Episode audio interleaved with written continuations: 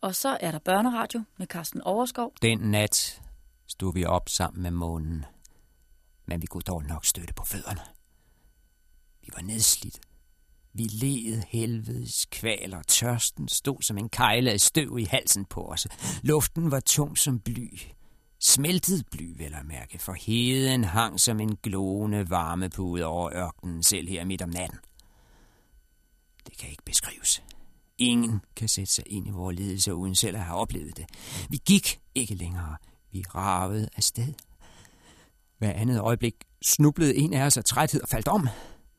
Han måtte selv komme på benene igen, for alle var lige udmattet. Hver halve time måtte vi stoppe op og stå lidt stille på vores vaklende ben og snappe efter vejret, før vi formåede at tage de næste få skridt. Så trætte var vi. Så lidt energi havde vi tilbage i kroppen, at bare det at sige noget var en kraftanstrengelse. Munden var snærpet sammen som et gammelt ar i ansigtet. Man orkede ikke mumle et ord, end ikke stønne af smerte. Tale sammen var vi for længst holdt op med.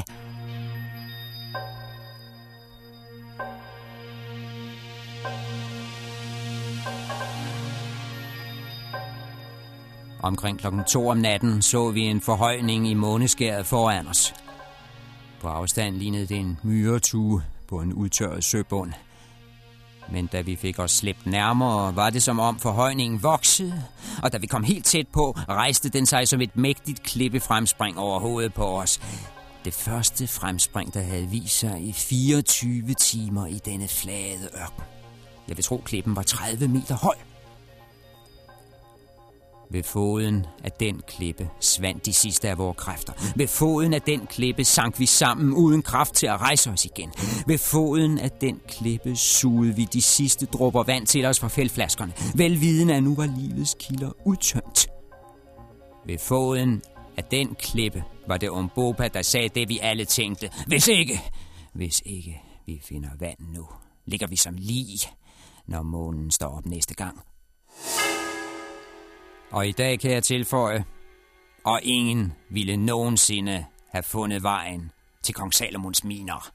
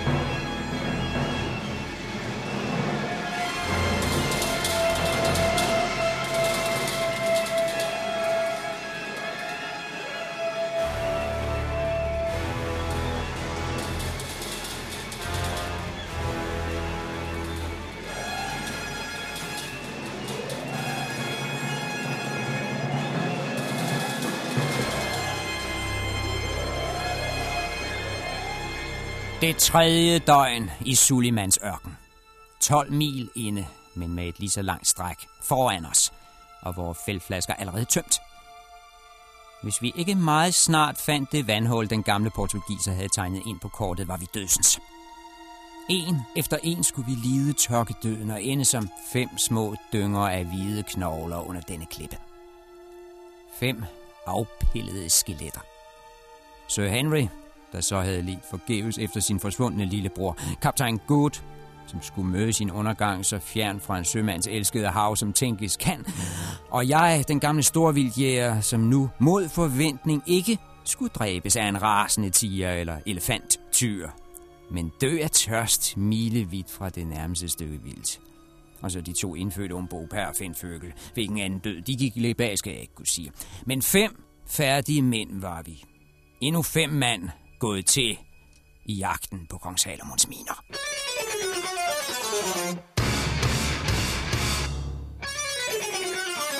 thank you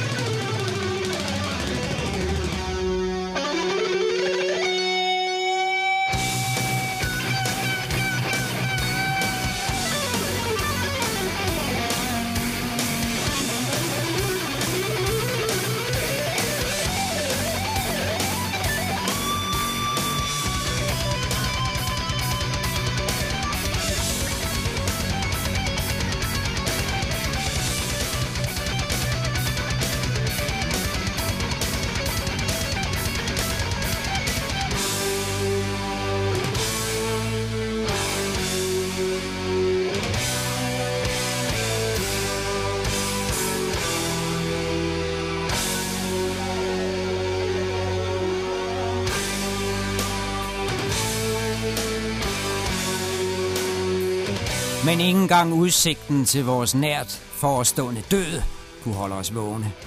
Uden et ord, uden et blik til hinanden, krøb vi sammen ved foden af klippen og faldt i en dyb, dyb søvn. The spirits are calling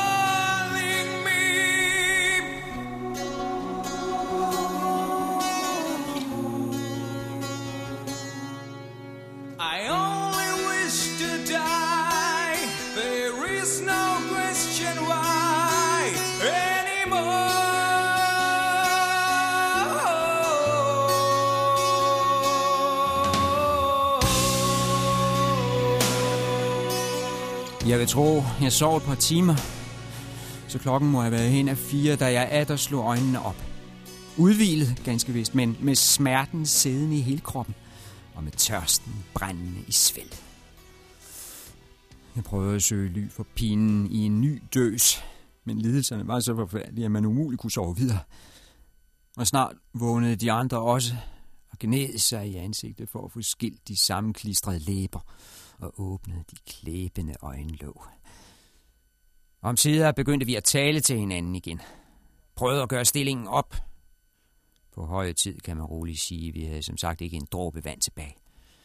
Selvom vi vendte bunden i vejret på fældflaskerne og slikkede af, af al magt på indersiden af flaskehalsen, var der ingen væde at hente. Ikke engang lugten af vand var tilbage. I den situation gjorde kaptajn Good det, man under ingen omstændigheder må. Han trak sin lommelærke frem, sad og stirrede længselsfuldt på den og vendte og drejede den, så vi alle kunne høre brændevinen klukke. En forjættende lyd. Vi lyttede begærligt, det kan ikke nægtes. Vi var alle fristede. Det kløede i fingrene på os for at få fat i den lommelærke. Til sidst måtte Henry med magt rive lommelærken ud af hænderne på sin gamle ven og stikke den ind under skjorten. Men det var det eneste rigtige. Vi vidste, det var godt. At give sig til at drikke ren spiritus nu, det var den rene død. Det ville blot bringe enden nærmere.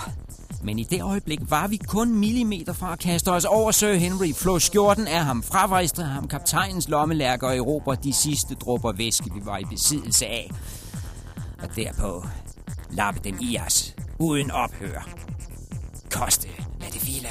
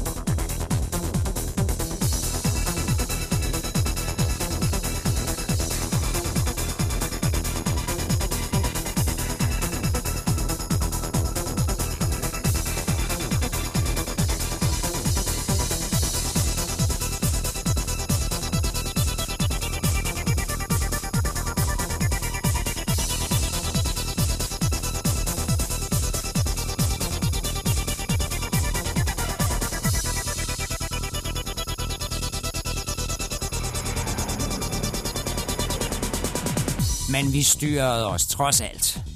Tørsten fik aldrig overtaget over fornuften.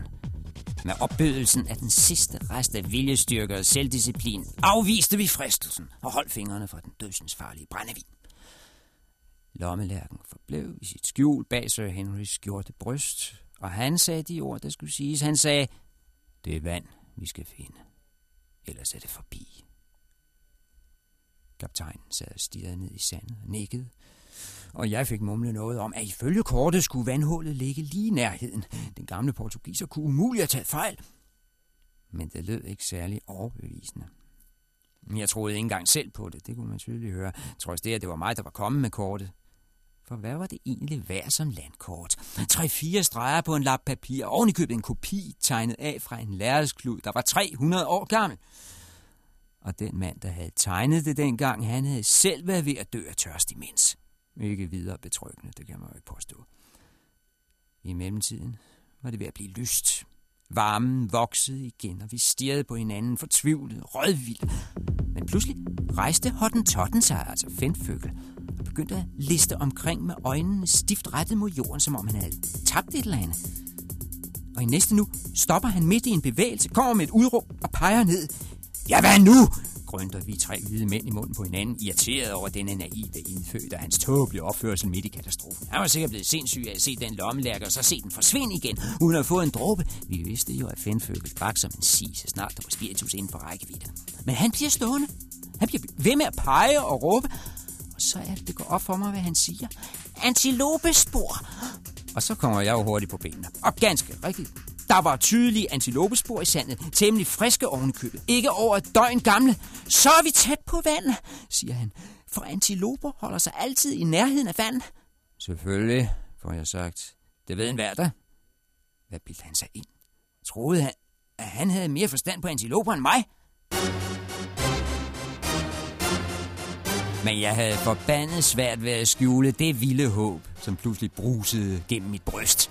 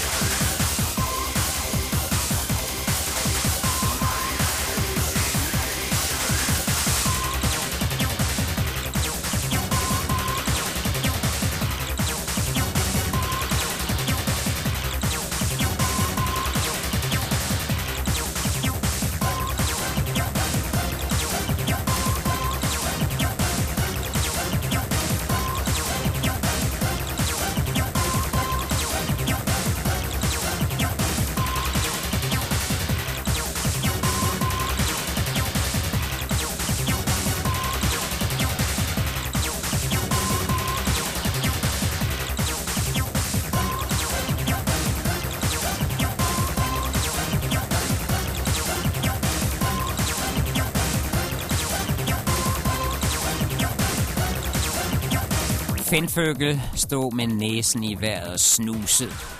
Hans flade hottentotnæse snøftede op i den tørre ørkenluft som snuden på en gammel buk, der har vejet en fremmed duft. Jeg kan lugte vand, sagde han. Han sagde det med stor bestemthed.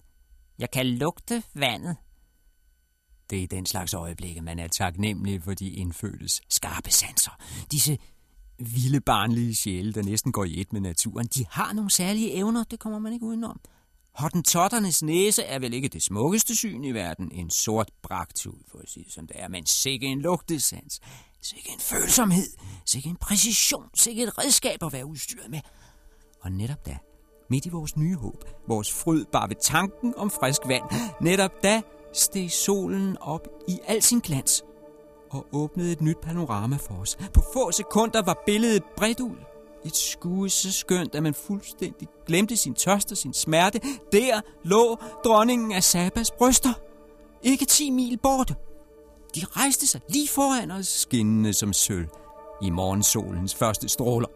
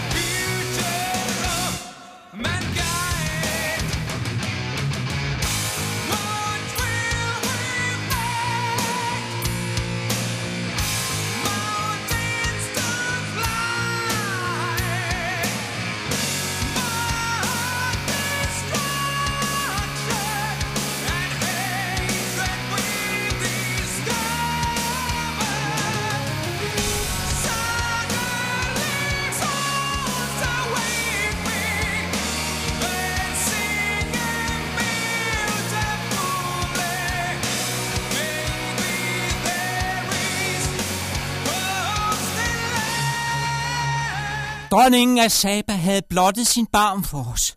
To fremskudte bastioner, der rejser sig side om side og tilsammen danner indgangsportal gennem Sulimanbjergene. To afrundede bjergtinder, der knejser som tårne om en byport. To svulmende forbjerge, der åbner for den eneste passage i en mur af forrevne klipper, der strækker sig til begge sider, så langt øjet rækker. Der lå de. Dronningen af Sabas bryster, der pludselig var kommet til syne i det klare morgenlys. 10 mil borte. Men de stod så knivskarpt, så afklædte og klare i konturerne, at man troede, man kunne række ud efter dem. På en gang blide og iskolde. På en gang stålsat, pansrede og sårbart nøgne. På en gang en uoverstigelig barriere og en åben dør. På en gang skræmmende og indbydende. Hvis den bjergkæde virkelig var af hundkøn, så var det en dødelig invitation, hun kom med. Prøv du blot at bestige mig. Værsgo, træng bare ind i kløften mellem mine bryster. Du skal være velkommen til at prøve. Måske når du ind til mine hemmeligheder, men gør dig ikke de store forhåbninger. Du er langt fra den første. Mange mænd har forsøgt sig før dig, og lige så mange har knækket halsen på det. Store mænd, stærke mænd. Ingen er sluppet levende fra det. Alle har gået deres undergang i møde i min favn. Duften af mænds knuste drømme er min kæreste parfume. Og min krop er smykket med deres skinnende skeletter. Det var bjergkædens tavse budskab den morgen. Det er den udfordring, man altid står overfor ved synet af dronningen af Sabas barm.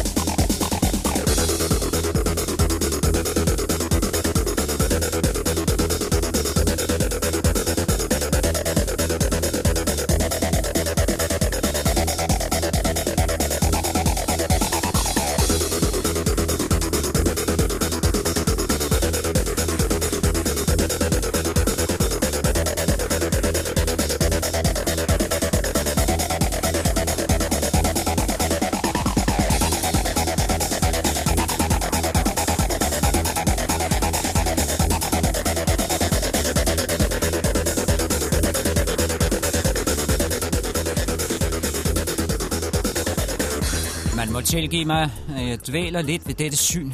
Det tager sin tid at få frem, fordi sproget mangler ord til at beskrive det. Man famler efter de rette gloser, men forgæves.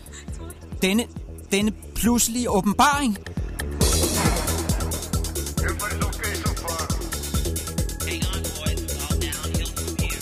Sløret bræt revet bort af solens første stråler. Og der, så tæt på, dronningen af Sabas bryster. Men måske en mere nøgtern geologisk beskrivelse ville være på sin plads. Der er tale om, der er tale om to bjergformationer, som ikke findes magen til andre steder i verden. De rejser sig bræt af den flade ørkenslet og stiger til en højde af 5.000 meter, hvor deres hvide toppe rækker op i skyerne. De ligger der som tvillinger og ligner fuldstændig en kvindes barm, fordi den stejle stigning for neden rundes af i højden, og særligt fordi begge bjerge har en forhøjning øverst oppe, et lille ekstra klippefremspring op på toppen, som har en forbløffende lighed med vorterne på det kvindelige bryst. Kløften mellem de to bjerge er cirka 3.000 meter dyb.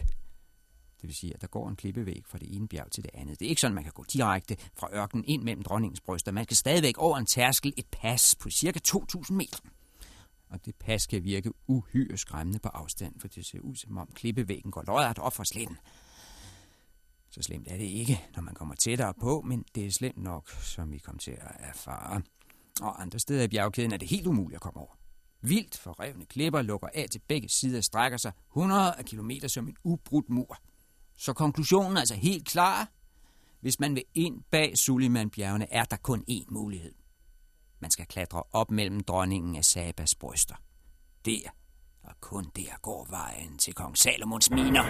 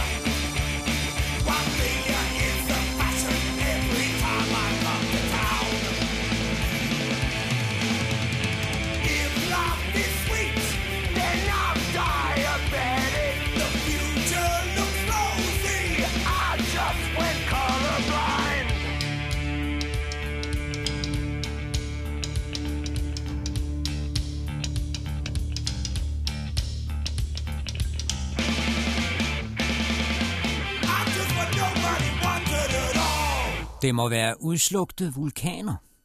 Det kan der ikke være tvivl om. Så majestætiske og betagende, så fulde af højtid. Jeg tror, vi alle tre snappede efter vejret. Sir Henry, kaptajn Good og jeg. Hvilket indtryk landskabet gjorde på de indfødte, skal jeg ikke kunne sige. Men et kort øjeblik spillede morgenlyset i den blændende sne på de to toppe og tændte de brune bjergsider op, så de strålede rødt og gyldent. Men det var ikke længe. Snart kom disen og skyerne. Jeg ved ikke hvorfra. Og indhyllet alt over 1000 meters højde. Tågen blev tættere og tættere deroppe og svøbte sig om dronningens barm, så den snart kun kunne anes i omrids.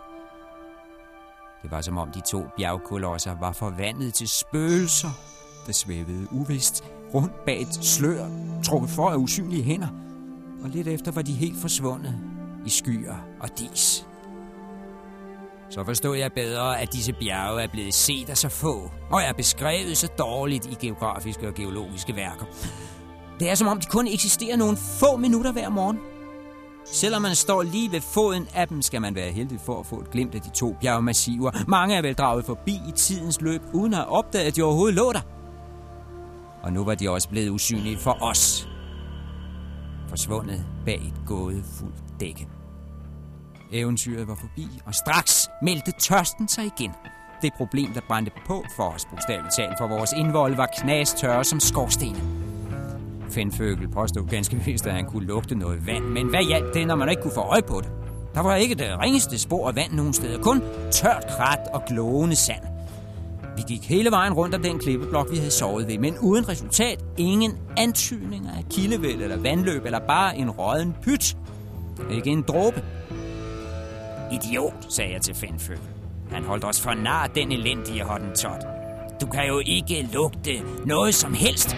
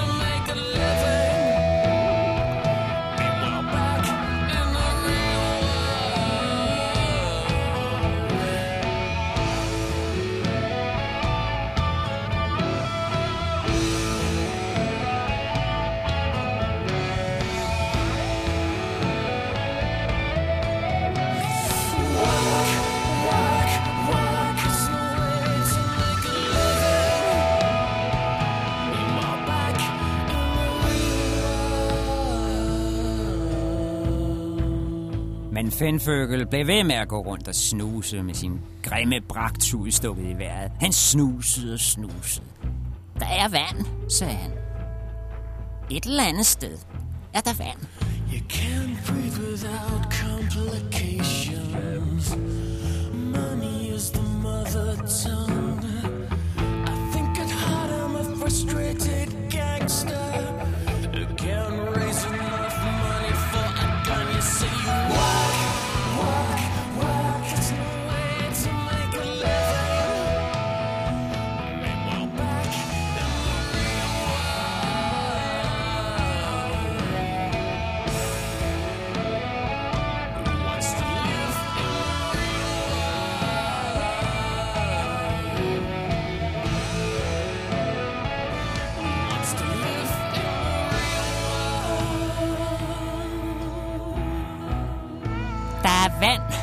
Vislede Fendføgel. Men det må være et eller andet sted oppe i luften. Ja, ja, det skal nok være rigtigt, sagde jeg ganske skarpt. Jeg gad ikke høre på ham. Ja, du, skyerne er sikkert fulde af vand. Om et par måneder falder det ned som regn alt sammen og skyller vores skeletter rene. Sir Henry var knap så håndelig som mig. Kunne det ikke tænkes, at vandet lå op på toppen af klippeblokken? Ah, vås, udbrød kaptajn Gud. Hvem har nogensinde hørt om et vandhul øverst oppe, hvor solen brænder dagen lang slud af vragl? Men så Henry synes nu, vi skulle se efter. Der var ikke noget at tabe, og modvilligt kravlede vi andre med op på toppen af klippen. Vranden og uden noget som helst. Håb. Og der må jeg så indrømme, at der lå vandet sku. En fordybning helt op på toppen med en sort væske i. Men vand var det. Helt ulogisk, fuldstændig uforklarligt. Hvordan skulle jeg have anet det? Et helt igennem urimeligt sted at lægge et vandhul. Men i det øjeblik bekymrede vi os ikke om placeringen, og heller ikke om vandets kvalitet. Vi styrtede os over den sorte og ulækre væske. Sekunder efter lå vi alle på maven og drak. Slubrede denne hæslige substans i os af al magt suget til, og sank, som om det var den sødeste nektar. Milde himmel, hvor vi drak.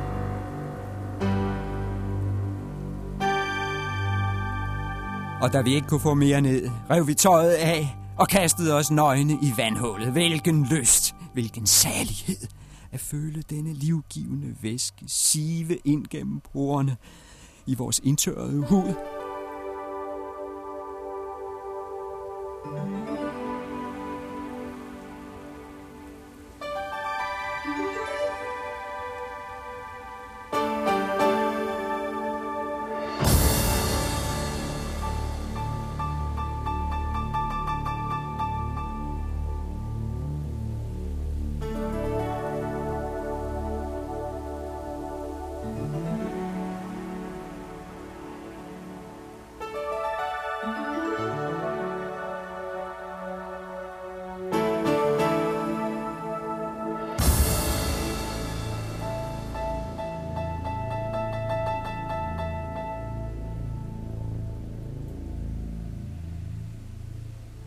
Det havde altså talt sandt, det gamle landkort, jeg havde fået af en døende portugiser for 10 år siden.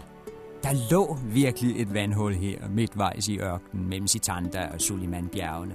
Portugiserens tip-tip-tip-oldefar havde husket rigtigt for 300 år siden, selvom også han lå for døden dengang og havde tegnet det oprindelige kort på en afrevet stump af sin skjorte og med sit eget blod. Jo, ved Gud, vi sendte mange taknemmelige tanker til denne fjerne forgænger, denne adelsmand fra en anden verden og fra en anden epoke, som han havde anvendt sine aller, aller sidste kræfter på at give budskabet videre til eftertiden. For så usel denne mudderpøl end er, og vandet svinsk og misfarvet, så kan ingen slippe levende over Suliman-ørkenen uden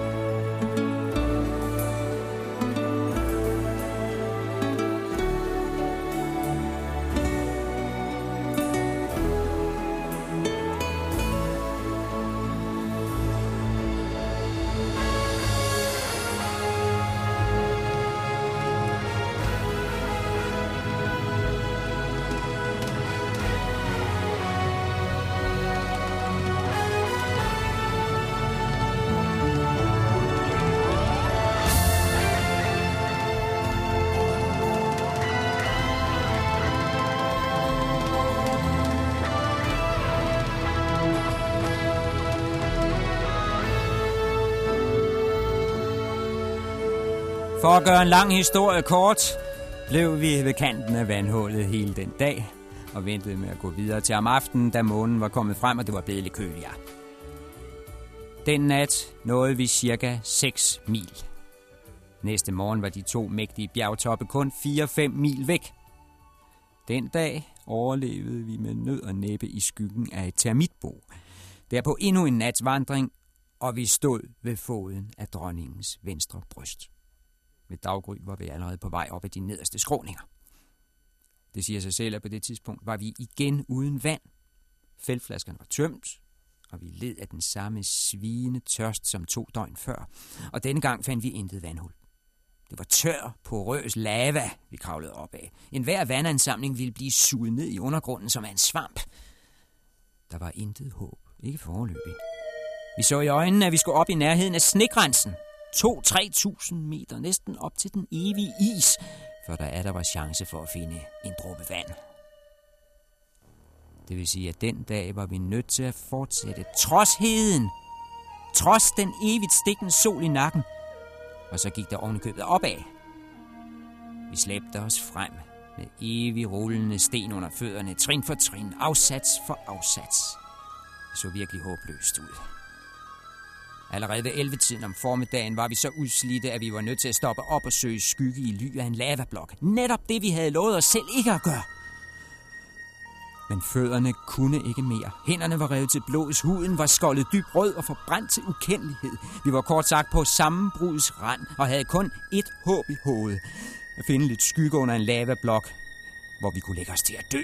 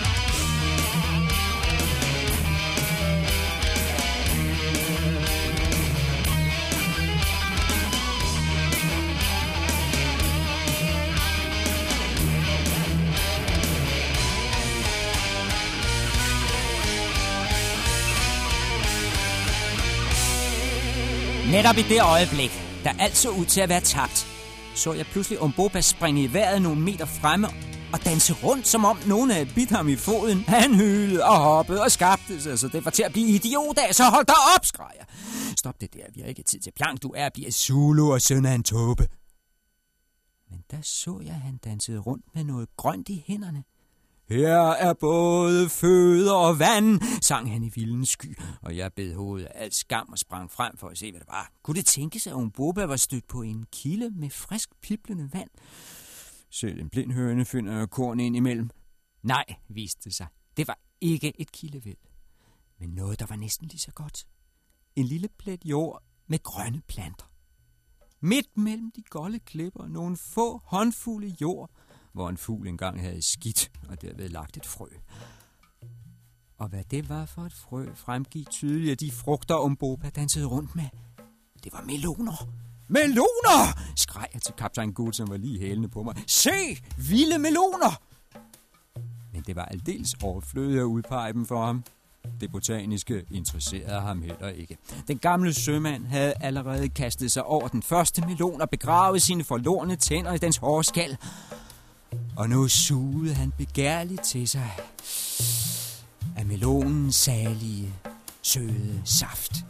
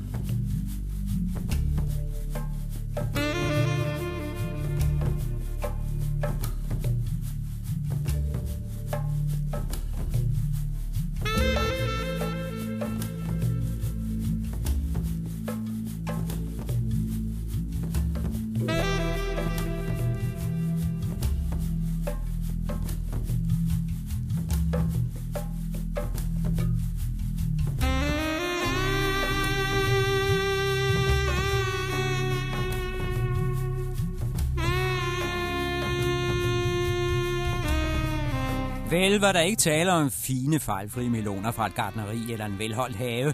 Nogle var plettede, andre havde en lidt bitter eftersmag. Det var langt fra forædlet frugt, det siger sig selv. Men det afholdt os ikke fra at bide til og suge saften i os. Tværtimod. Jeg tvivler på, at nogen nogensinde har nyt en frugt, som vi gjorde i den stund.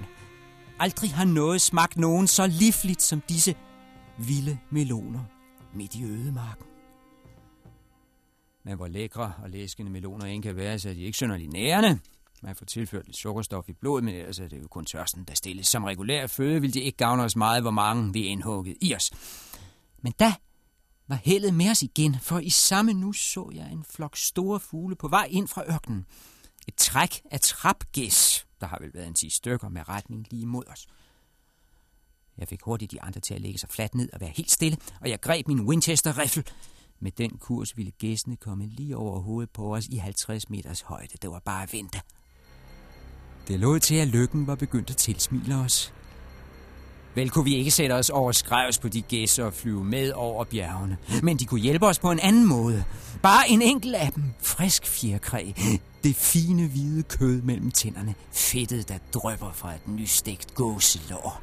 Bare en enkelt af de fugle kunne føre os frelst gennem det næste stræk af vejen til kong Salomons miner.